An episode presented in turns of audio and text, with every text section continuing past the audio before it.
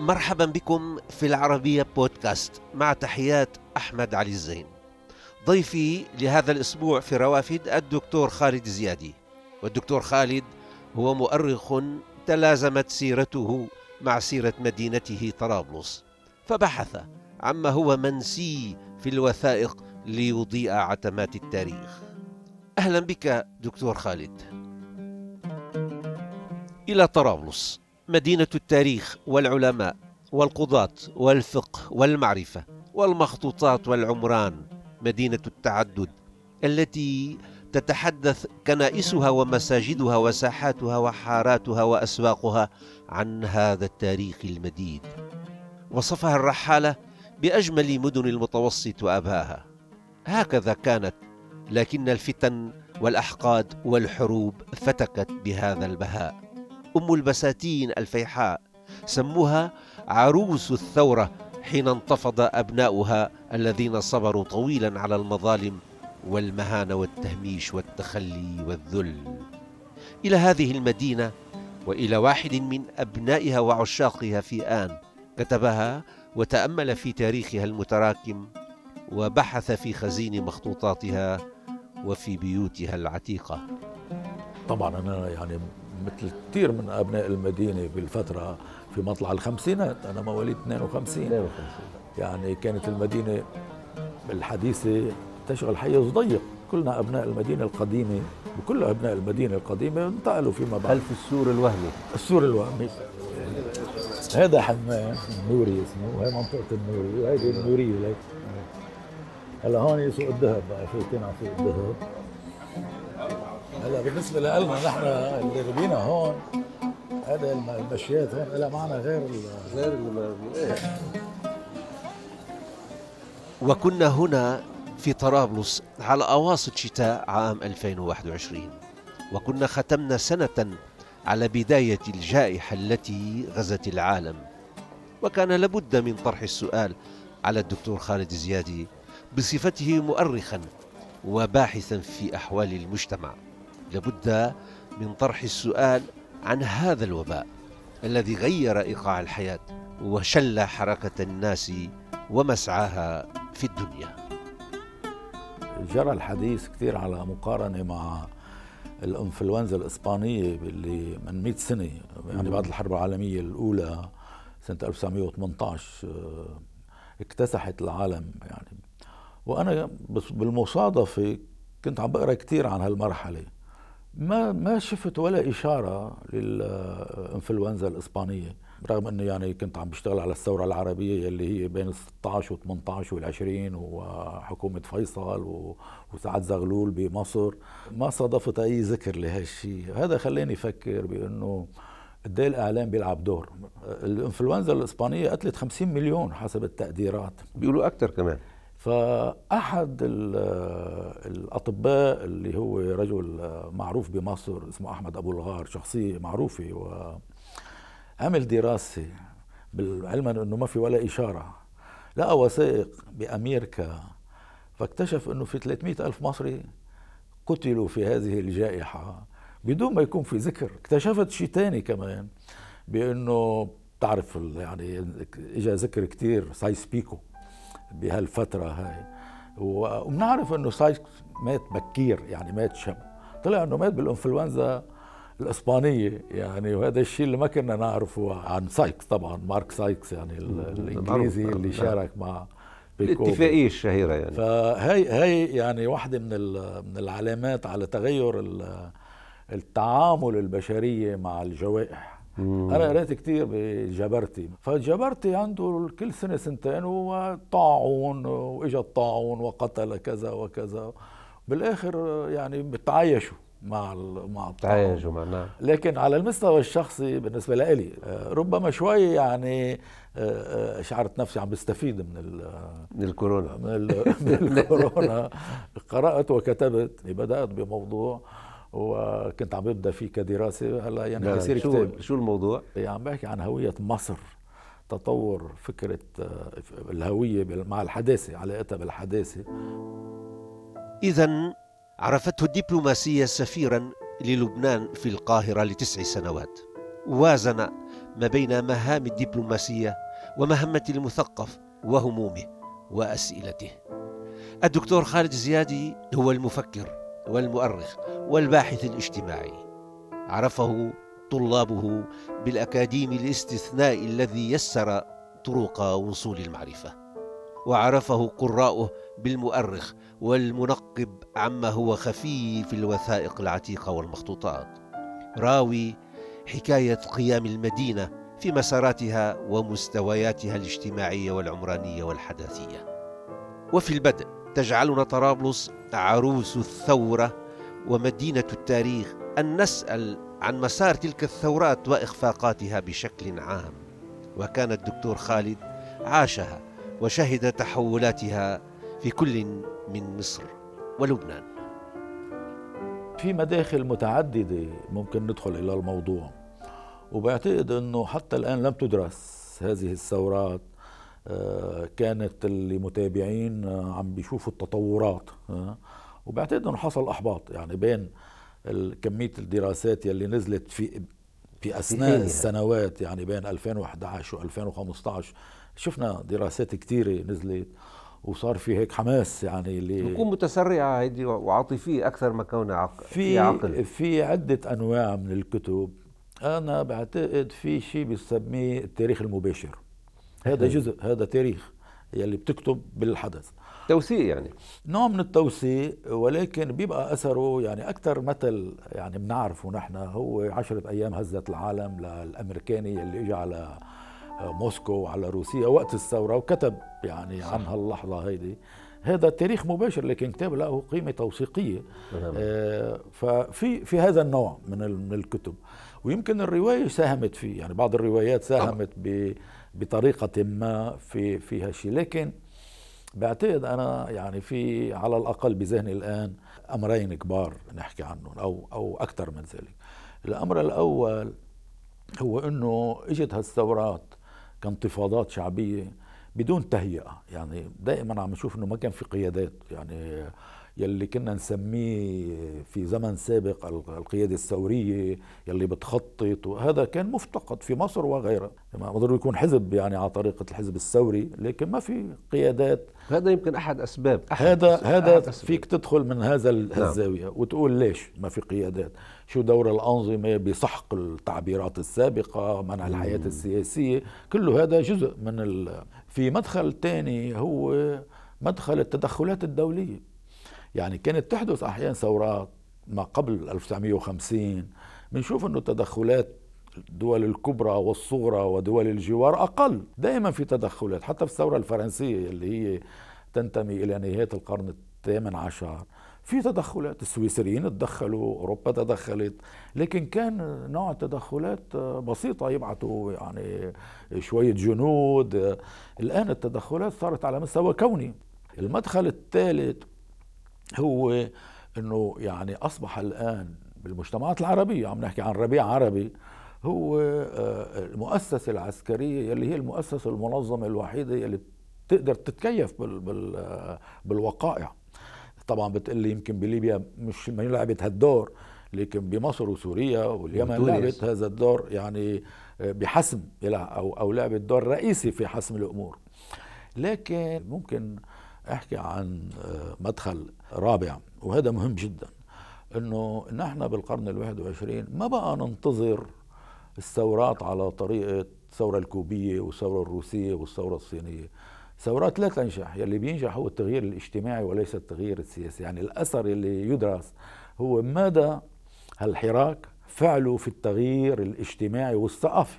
اللي شايفه هو حتى الآن يعني كمراقب أكثر ما عم نعمل دراسة معمقة. هذه الظاهرة التي حدثت بسنة 2011 هي يعني أثارت أنه هذا الامتداد العربي.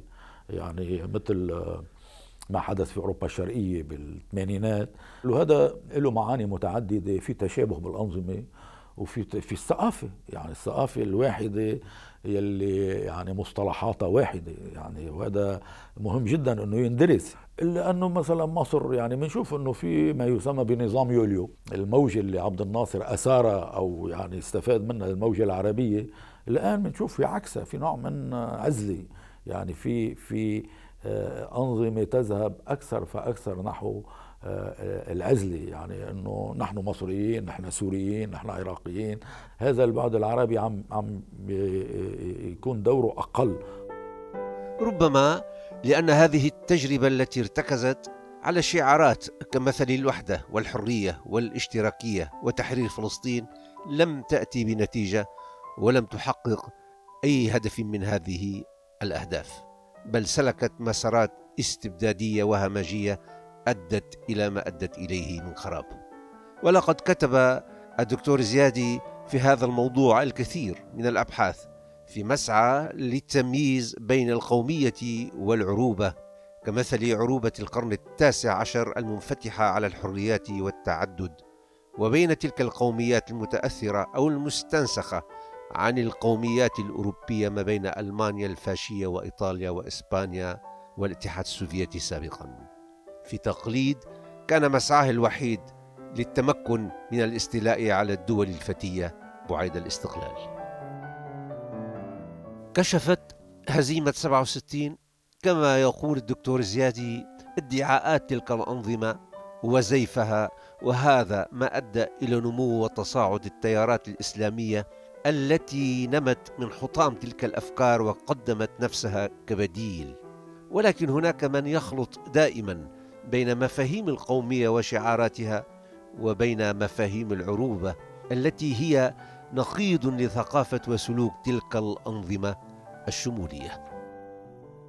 لازم الآن أكثر من أي وقت مضى نفكر بهالتمييز بين العروبة والقومية العربية. إذا كانت القومية العربية كاتجاهات سياسية في الخمسينات والستينات آه، طرحت الشعارات يلي ذكرناها ولم تحققها لأسباب عديدة لكن العروبة بالمعنى الثقافي بمعنى هذا الامتداد آه، الجغرافي هذا شيء ما فينا نلغيه.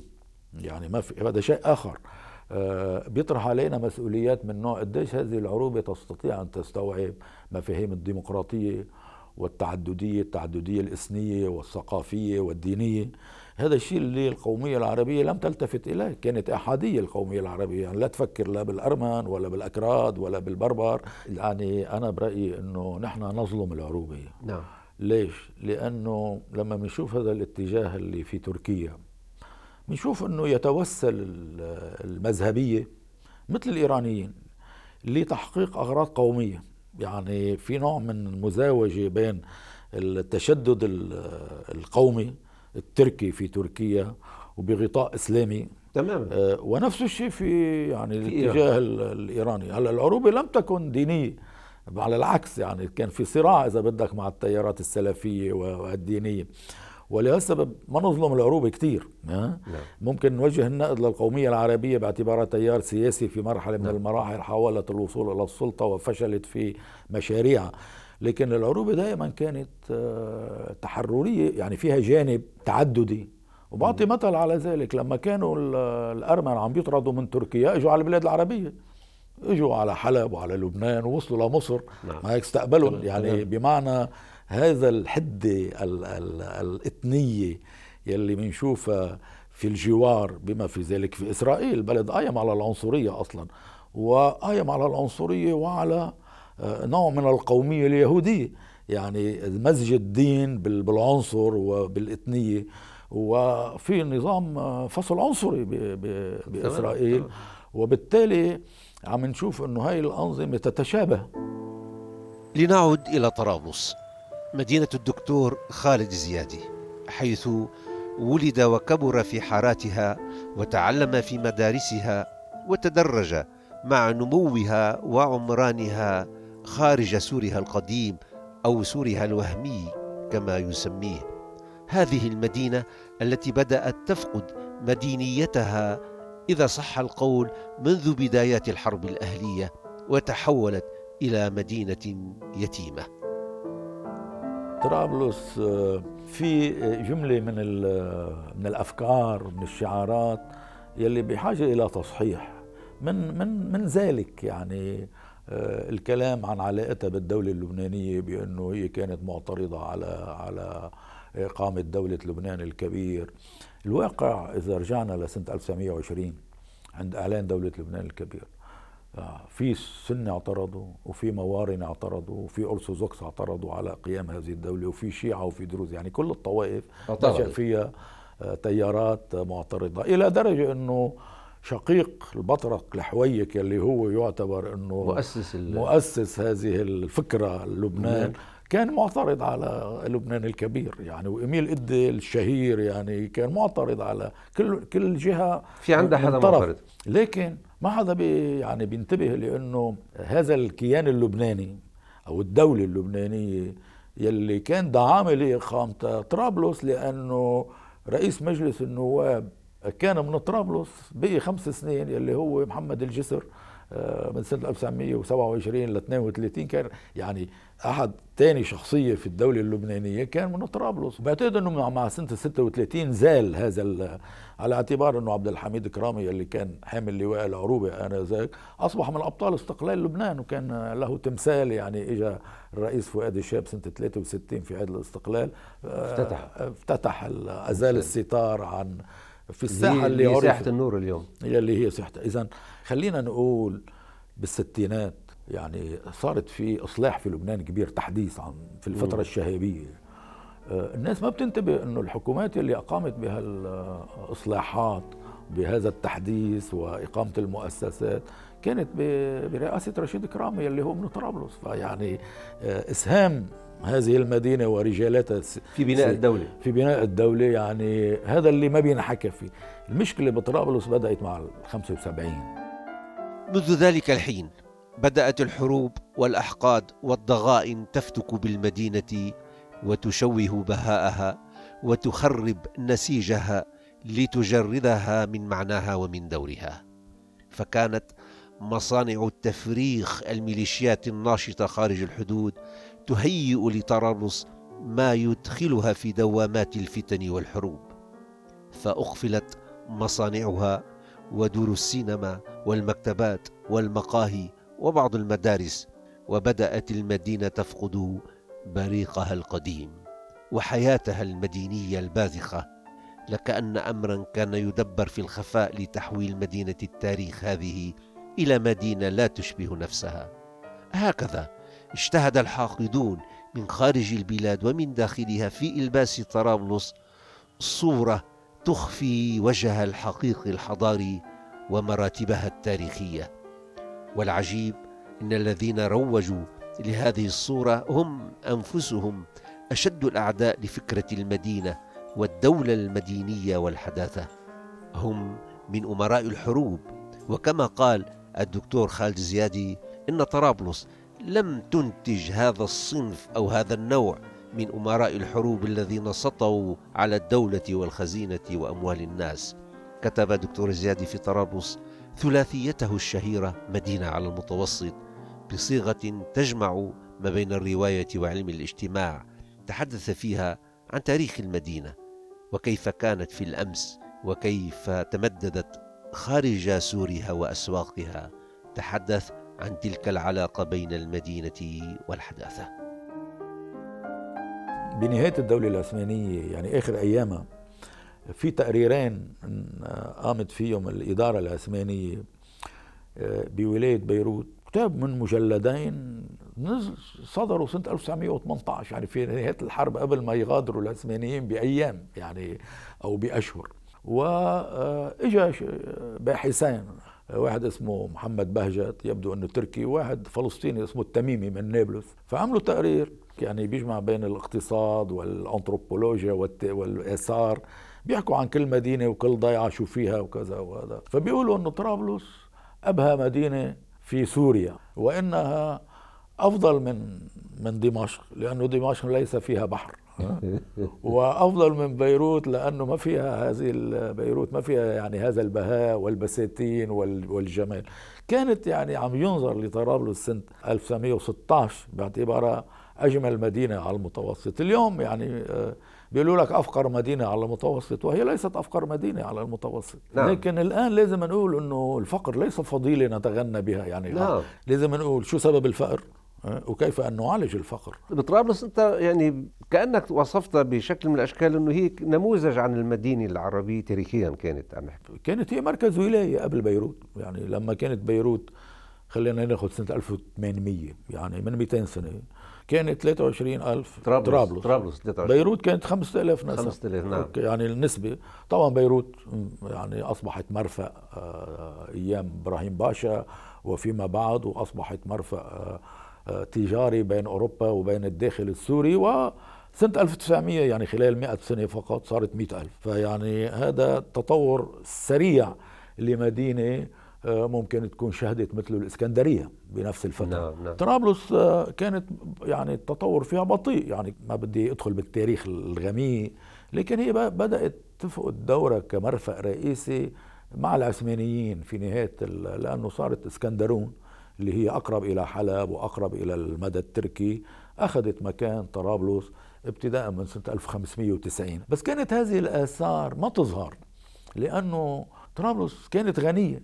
وأنا درست في سجلات القرن السابع عشر والثامن عشر في التجارة الإقليمية. وبتختزن شيء من الماضي المملوكي وبني عمار اللي هن بالتاريخ أقاموا دويلة إذا بدك أو أقاموا إمارة آه، قضاة القاضي ابن عمار بسبب التجارة مع المدن الإيطالية. يعني هذا الغنى منين اجى هالغنى بيقولوا يعني إذا شفنا الوصف يلي بيقدموا في صفحة واحدة عن طرابلس الرحال الفارسي آه، ناصر خسرو.